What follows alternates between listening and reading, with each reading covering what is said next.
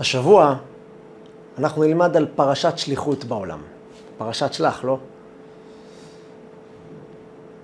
מספרים שהיה פעם רואה חשבון שחיפש עבודה. ויום אחד הוא מצא מודעת דרושים שמחפשים במשרד רואה חשבון חשוב, רואה חשבון. הציע את עצמו כמועמדות. כשהוא הגיע לשטח, לפגישת הראיון, הוא רואה שעוד כמה יושבים שם בשטח ומחכים לכניסה לחדר המנהל. אבל הוא רואה שהראשון שנכנס לחדר המנהל עובר שתי דקות, והוא יוצא בחוץ. פנים קצת מאוכזבות. הוא שואל אותו, מה היה בפנים? הוא אומר לו, אין לי מושג, מנהל מוזר. ש... הוא שאל אותי כמה זה שמונה ועוד שמונה, וכשאמרתי לו שש עשרה, הוא אמר לי, צא בחוץ. הבנתי שלא התקבלתי. השני נכנס לתור, ובתורו כשהוא יוצא, גם כן, פרצוף כזה. שואל אותו האדם, תגיד לי, מה היה בפנים? אמר לו, לא יודע. שאל אותי כמה זה שמונה ועוד שמונה, אמרתי לו שש עשרה, אמר לי לצאת בחוץ. השלישי ניסה לחשוב תשובה יותר מבריקה, אמר שבע עשרה. המנהל שואל אותו, שמונה ועוד שמונה, שבע עשרה, ואתה עוד רוצה להיות רואה חשבון. הרביעי אמר חמש עשרה. אמר לו הבעל הבית, תגיד לי כבודו, ברחת בכיתה ג' בבית הספר? מיועדנו נכנס. המנהל מושיב אותו על כיסא ושואל אותו, תגיד לי, תרגיל, שמונה ועוד שמונה. הוא מחייך, מסתכל בעיניים של הבוס, אומר לו, כמה שתרצה בוס, אני אסדר לך את המספרים, אל תדאג. אמר לו הבוס, אתה פה, אתה שלי.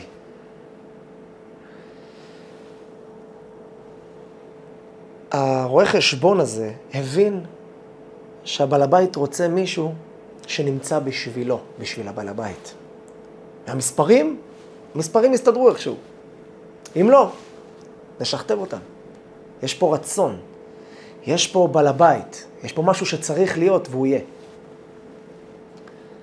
האנקדוטה הזאת היא כהקדמה לשאלה על פרשת שלח, שאלה מפורסמת ששואלים אותה הרבה מהמפרשים.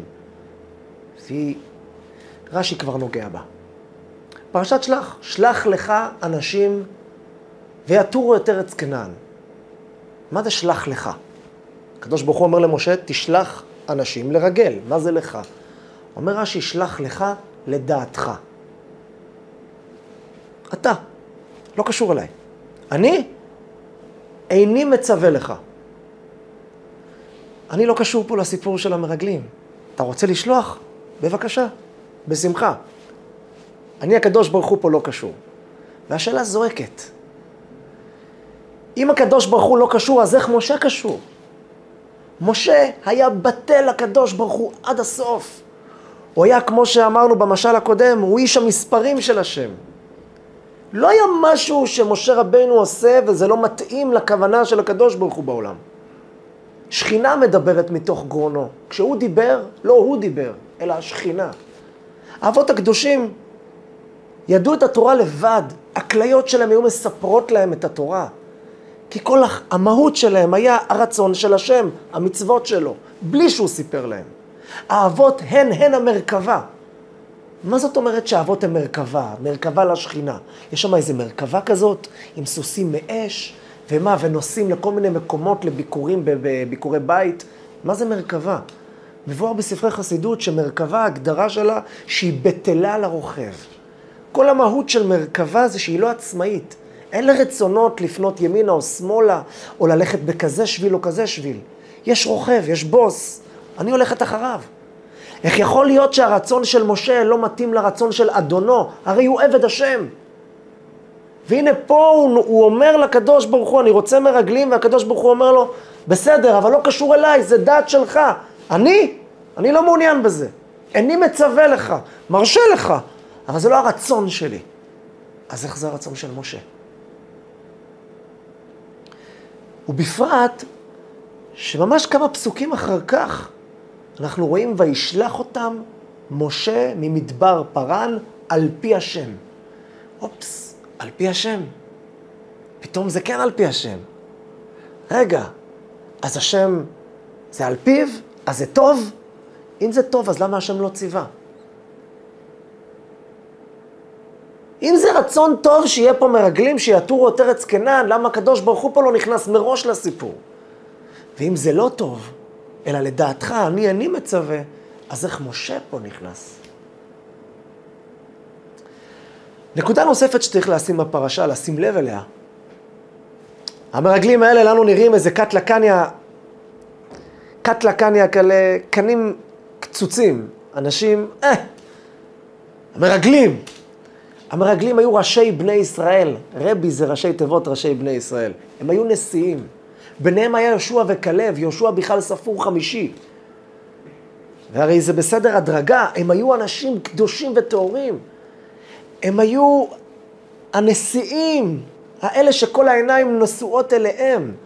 הם היו הראשים של כל העם הזה, שכל העם הזה כולו לא ניתנה תורה אלא לדור, לאוכלי המן. זה נקרא דור דעה. אשרי הדור שחטאיו מנועים עשר עבירות בארבעים שנה. מדובר בדור אדיר. ויושבים השפיץ, האלה שהגיעו לפסגה, ומשה רבנו ממנה אותם, אומר, אתם מתאימים לשליחות הזאת. משה רבנו לא עשה אנדנדינו. הוא בטח, לקח את אלה שהוא בטח שהם יעמדו במשימה. לקח את אלה שהכי מתאימים למשימה. אז איך קרה ההפך הגמור? איך קרה ההיפוך ברגע? איך ממצב של שליחות נהיה חורבן? איך ממצב של שליחות של משה ושלוחו של אדם כמותו, הגיעו למצב, אתם בכיתם בכייה של חינם, אני אתן לכם בכייה לדורות עד היום. אנחנו עדיין בגלות. והמקרה הוא, זה קרה אז בתשעה באב. והקדוש ברוך הוא אמר, אתם בכיתם, כי כל עם ישראל ישב לבכות אחרי מה שהמרגלים סיפרו על זה שהארץ לא טובה, ואי אפשר לכבוש אותה, לא נוכל לה. עד היום אנחנו בוכים שתי החורבנות שקרו בתשעה באב. איך קורה כזה מהפך? שרבנו טעה? לא. לא נראה. נקודה אחרונה שכדאי לשים לב בפרשה, זה שהמרגלים יוצאים לטור את ארץ כנען, אחד מהמשימות שהם מקבלים זה לקחת מפרי הארץ. לקחת פירות, להראות לנו. גם לראות איך כובשים, לראות איך אנחנו נכנסים, איזה מחילות, איך, איך כדאי להיכנס, איזה צבא, איפה החי"ר, איפה השריון, לא היה שריון, אבל איך אנחנו עושים פה את התכסיסים, הרי צריך להיכנס לפה. בנוסף לכך, גם תביאו מפרי הארץ. למה להביא מפרי הארץ? לראות איזה פירות יפים יש בארץ ישראל, איזה עוצמה. הם הסתכנו בחיים שלהם, כמו שאומר הרמב"ן. כי הרי כשרואים אותך לוקח פירות למקומות רחוקים, מבינים שאתה בא להראות את זה למישהו מחוץ לפה. זאת אומרת שאתה מרגל. הם הסתכנו בזה. ולכן אומר הרמב"ן, היה צריך לכתוב, והתחזקתם והייתם לי, ולקחתם מפרי הארץ. תתחזקו, אתם מסתכנים בחיים שלכם. למה? למה? נכון, לא דומה שמיעה לראייה, תמיד כדאי לראות בעיניים. איך זה דבר כיף וטוב. אבל בשביל זה לסכן את החיים? מדובר בעם ישראל. הם מאמינים. ישראל מאמינים, בני הם מאמינים. הם מאמינים לקדוש ברוך הוא שהוא כבר אמר להם שזה ארץ זבת חלב ודבש. הם באמת מאמינים שזה ארץ טובה, ויאמינו בהשם ובמשה עבדו. הם היו מאמינים, ראו עשרה מכות, קריעת ים סוף, מתן תורה, ברע של מרים, ענני כבוד, מן מהשמיים, מה לא? הם גם מאמינים שזה ארץ זבת חלב ודבש. בשביל המוחשיות הזאת, שווה לסכן את החיים. כאן מונח הנקודה. מספרים שבלובביץ' הרי לא היה תחנת רכבת. מי שהיה רוצה להגיע ללובביץ' היה צריך לקחת תחנת, היה צריך לרדת בתחנה ברודניה, ומשם היה לקחת עגלון עם סוס ועגלה לכיוון לובביץ'. העגלון שהיה לוקח את זה, היה עגלון ירא שמיים. לא יודע כמה הוא היה מונח בש"ס, ירושלמי, ספרה, ספרי, אבל הוא היה מונח בלב שלו. היה מונח בקדוש ברוך הוא. יהודי פשוט, אבל ירא שמיים. היה לו כמה אמרות מעניינות. אחת האמרות שהוא אמר פעם, כסוחר סוסים, ואני מבין בסוסים, מעניין אותי שלושה דברים עיקריים. כך הוא היה אומר. אחד, אני רוצה לראות שהסוס הזה יש לו גוף, גופה טובה, גוף חזק, גדול. שתיים, אני רוצה שיהיה לו רגליים דקות וארוכות. שלוש, שיהיה לו ראש קטן. גוף גדול אני רוצה כדי שיהיה לי סוס חזק, יודע לסחוב. גופה, סוס. רגליים דקות וארוכות כדי שהוא יוכל לרוץ מהר. אני רוצה שיהיה לו ריצה מהירה, יגיע ליעד במהירות. וראש קטן כדי שיציית לי. כמה שהראש יותר קטן, הוא יותר ממושמע. הוא יותר בטל לרוכב. זה מה שאני צריך. סוס שיהיה לי ממושמע למה שאני מבקש. ירדנו פה לעולם. הקדוש ברוך הוא הוריד אותנו כאן, ואנחנו כאן בשטח שוחים בתוך ביצה עמוקה. ואנחנו כיהודים נזרקנו כבר לפני 3,300 שנה לקדוש ברוך הוא ואמרנו לו, נעשה ונשמע. נעשה. דבר ראשון, נעשה. אנחנו עושים מה שאתה אומר. כאן ועכשיו. ביטול. דבר ראשון, כמו שאמרנו מקודם, כמו שאמר אותו סוחר, ראש קטן. לא יודע, אין לי מושג מה אתה הולך לומר לי. אבל דבר אחד לי ברור, אני הולך לעשות את מה שתאמר לי. אז דבר ראשון נעשה. וזה הכלי הראשון והדבר הראשון שיהודי, מתי שהוא ניגש לשליחות שלו, צריך לדעת לעשות. אבל, וכאן האבל הגדול, הקדוש ברוך הוא לא הסתפק בנעשה. פעמיים הם אמרו, כל אשר דיבר השם נעשה, והשם לא הסתפק בזה. רק בסוף פרשת משפטים אנחנו רואים, כל אשר דיבר השם נעשה ונשמע. השם רוצה גם את הנשמע. מה זה נשמע? לשמוע? בשמיעה יש עוד רובד, הבנה. הסכת ושמע ישראל. תתבונן, תבין. דבר כי שומע עבדך. דבר. נו, ברור שאתה שומע, אם תדבר, מה, אתה מדבר ואני הולך? לא. דבר כי שומע, אני איתך, אני מבין. שמע ישראל, השם אלוקינו, השם אחד. מה זה שמע ישראל? שמע תבין. שמיעה עניינה הבנה. אומר הקדוש ברוך הוא, אני מאוד אוהב אתכם בזכות הנעשה הזה. בזכות הנעשה הזה בחרתי אתכם.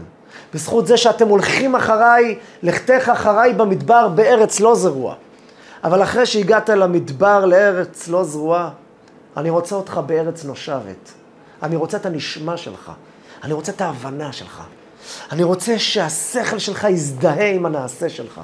אני רוצה שתטבול מתענוג. תתלקק, אח. תתלקק מהתענוג של התפילין. אני רוצה ששורה של גמרא תמלא אותך. אני רוצה שהלב שלך יהיה בתוך הסוכה גם. לא רק הראש והגוף, ובנית סוכה ואתה יושב בפנים ומחכה מתי לצאת. אני רוצה שתתחבר, תזדהה. אתה יכול לקחת ארבעת המינים כמו סוג של מטאטא ועוד איזה מבוטה מפה וטה-טה-טה-טה. הכל בסדר, אפשר. אבל הקדוש ברוך הוא רוצה את הלב שלך. הוא רוצה שגם תתענג מזה, שתבין מה אתה עושה. נעשה, נכון, אבל אל תשכח גם את הנשמע. טעמו, וראו כי טוב השם.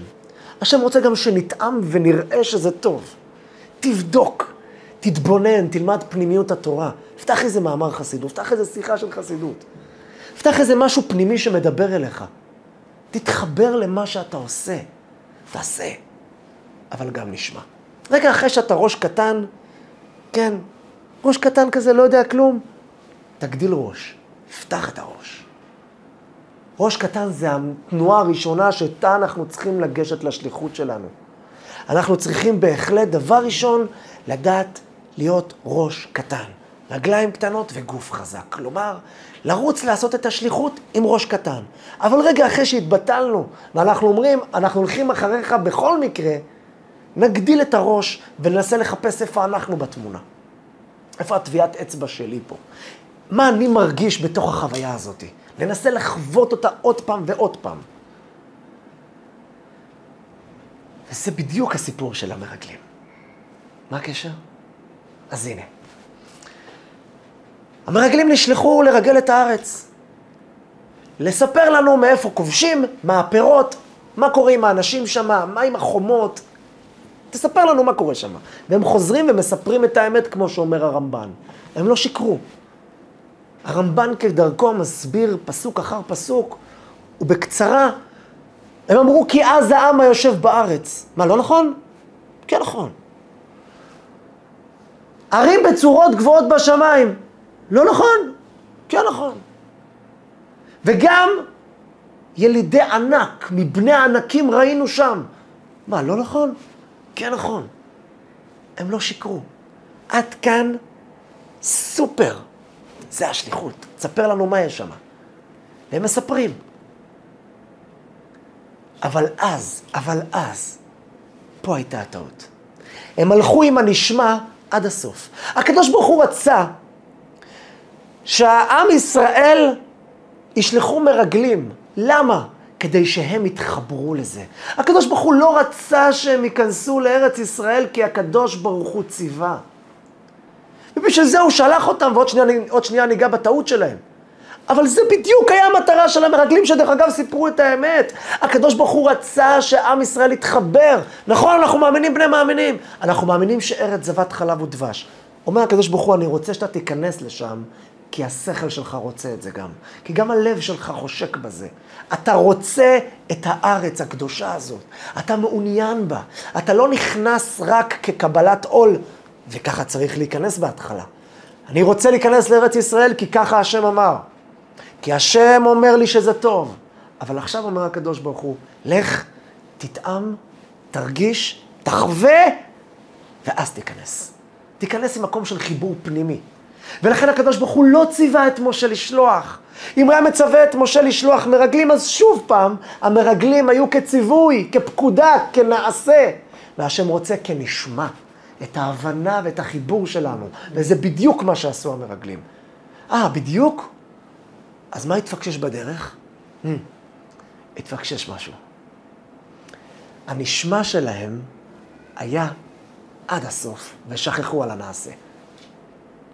עד הכל הם סיפרו מצוין. אז העם, ערים גבוהות, ילידי ענק, וזה פריה, הכל מצוין. ואז הם הוסיפו תוספת.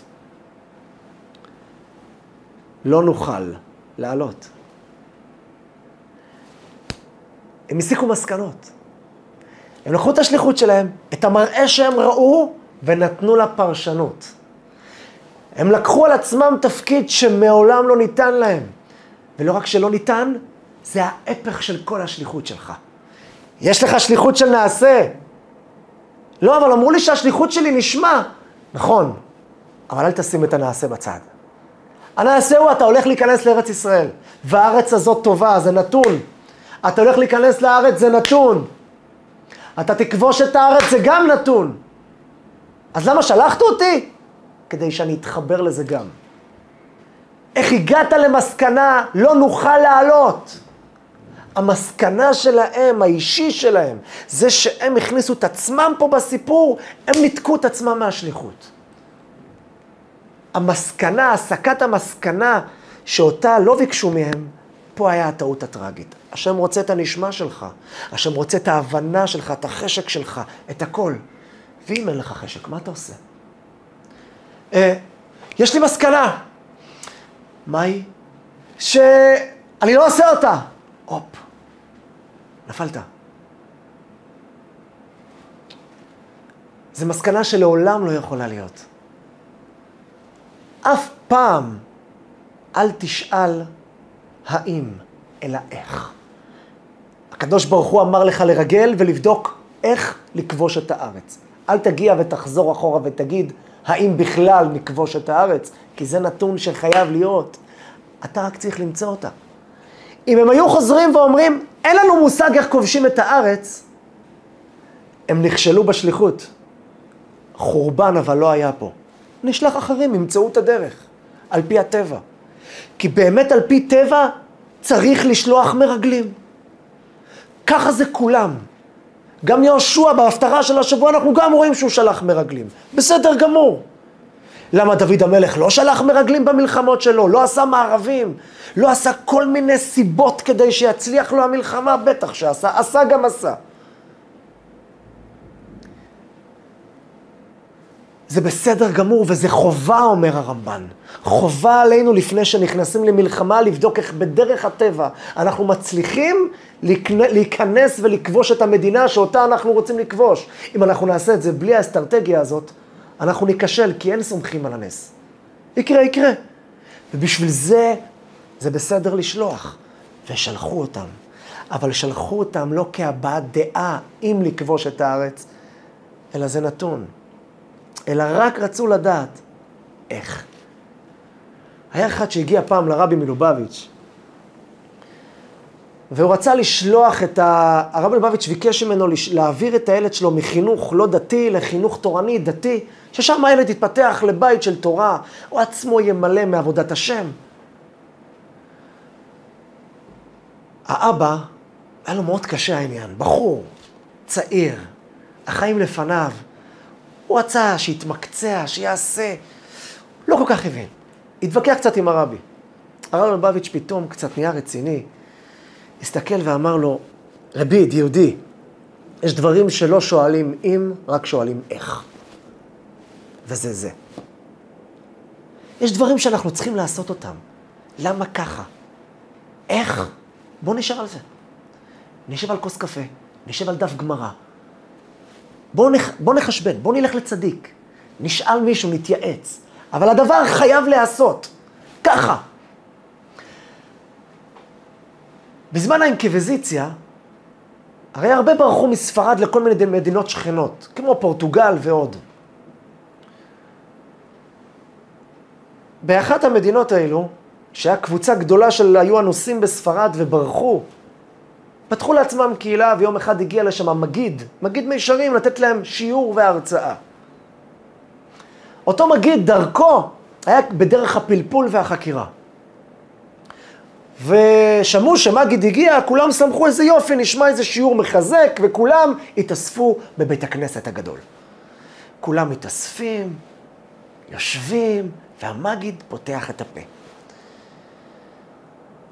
והמגיד דיבר על הקדוש ברוך הוא והוכיח שיש הקדוש ברוך הוא בעולם. הוכחה לוגית. כמו שאמרנו, לא, שגם השכל יבין. זה מה שהוא עשה. ובאמצע יצא לו משפט.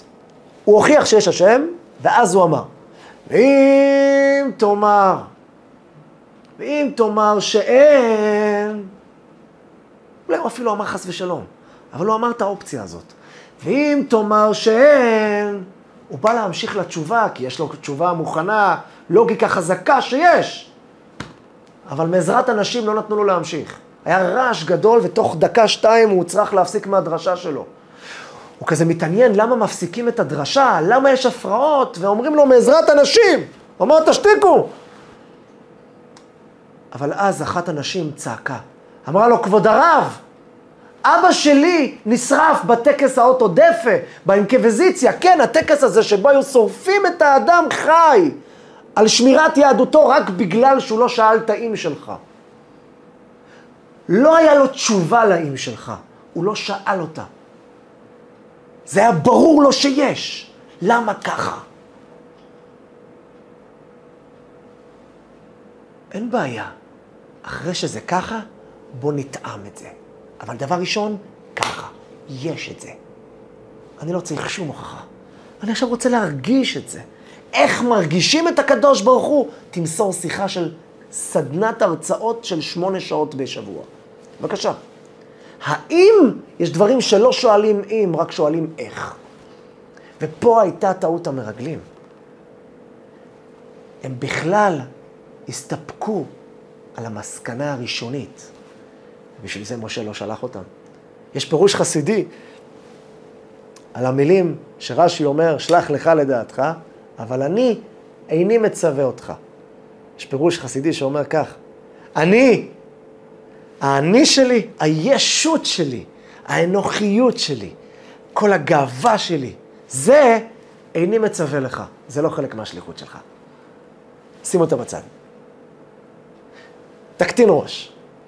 כהתחלה. רגע ב', רגע שני, שנייה אחרי, תגדיל ראש. תכניס את הטביעת אצבע שלך. תספר את הסיפור שלך בתוך הדבר הזה. וזה בסדר גמור. המרגלים היו צריכים ללכת לרגל. זה בסדר גמור לרגל וזה אפילו נצרך, ואמרנו לפי הרמב"ן גם חובה. אני רוצה לדעת איך לכבוש בדרך הטבע.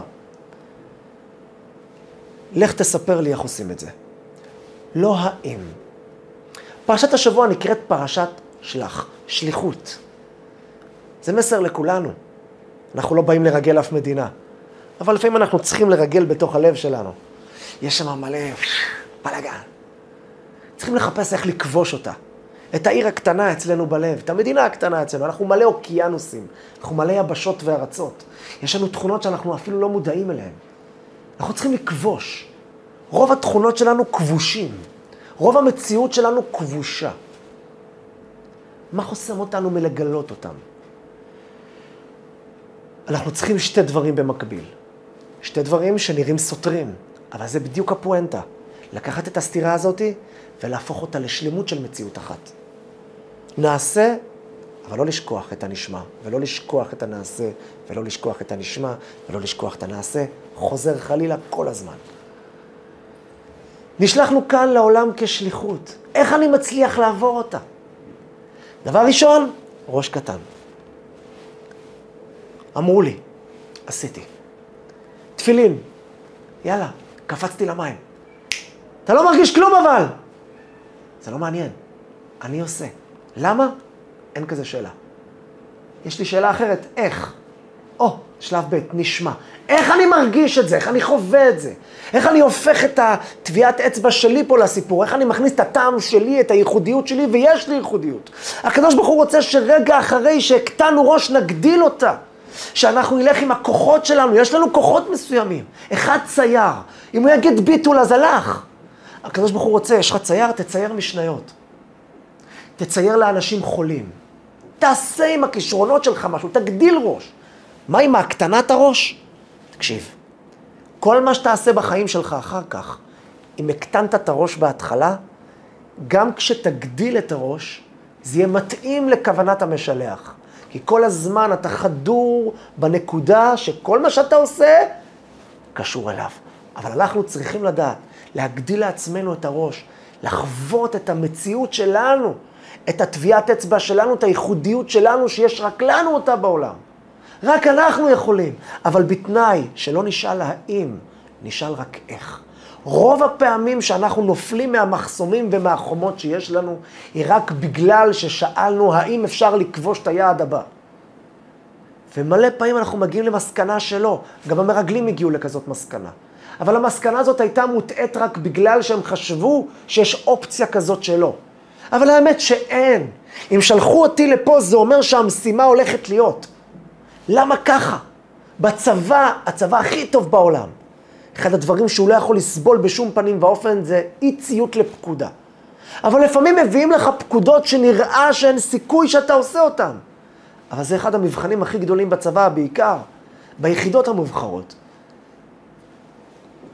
נתנו לך משימה, היא חייבת להיות. תנסה להתחבר.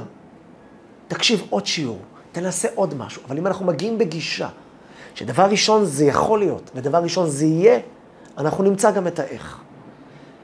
אנחנו נמצא, אנחנו נרגיש את זה. אנחנו כל הפעמים שעומדים מול החומה הענקית הזאת שחוסמת אותי מהכעס שלי, או מהגאווה שלי, או מה... מה שלא יהיה שחוסם אותי, שאני מרגיש שאני לא מצליח להתמודד שמה. זה רק בגלל ששאלתי את האם. יש לי שאלה על המסקנה. שלחו אותי פה לעולם ויש מציאות שאני חושב לעצמי, יש מצב שאני לא יכול לעשות את זה? כן, יש מצב. ואז גם לא מוצאים את האיך, ואז גם יש לנו הסברים למה לא הצלחנו. אבל יש לנו את הכוח לעשות את זה. היה אחד בשם יהודה אבנר. הוא היה דיפלומט ידוע, הוא היה אצל הרבי מלובביץ'. כשהוא נפגש איתו ביחידות, הוא שאל את הרבי מלובביץ', רבי, אני יכול לשאול אותך שאלה? אמר לו, כן. אמר לו, מה החלום שלך? מה האתגר שלך בחיים? לכל אדם בעולם יש איזשהו חלום, איזשהו אתגר, איזה יעד להשגה. תן לי אותו, יש לך איזה משהו. אמר לו, כן, יש לי. הרב מלובביץ' הוציא לו נר, אמר לו, מה זה? אמר לו, זה נר. אמר לו, תראה, לכל יהודי בעולם יש נר בלב שלו. כל אחד יש לו נשמה. יש לו שם חומר בעירה. אני, החלום שלי והאתגר שלי, שכל יהודי ידלק לו הנר. והיא תאיר ותפיץ את האור שלה לעצמו, לאחרים, למשפחה שלו. זה האתגר שלי, זה החלום שלי. המשיכו את השיחה, ויהודה אבנר, הדיפלומט, אומר לרבי, רבי, אפשר עוד שאלה? אמר לו, כן. אומר לו כזה בחיוך, רבי, את הנר שלי הדלקת? הרבי מלובביץ' חייך לו בחזרה, אמר לו, הבאתי לך את הגפרורים, תדליק אתה. הבאתי לך נר, הבאתי לך גפרורים, תדליק אתה. ראש קטן, כן, ראש קטן. אנחנו לא יודעים כלום. אנחנו עושים את מה שמוטל עלינו.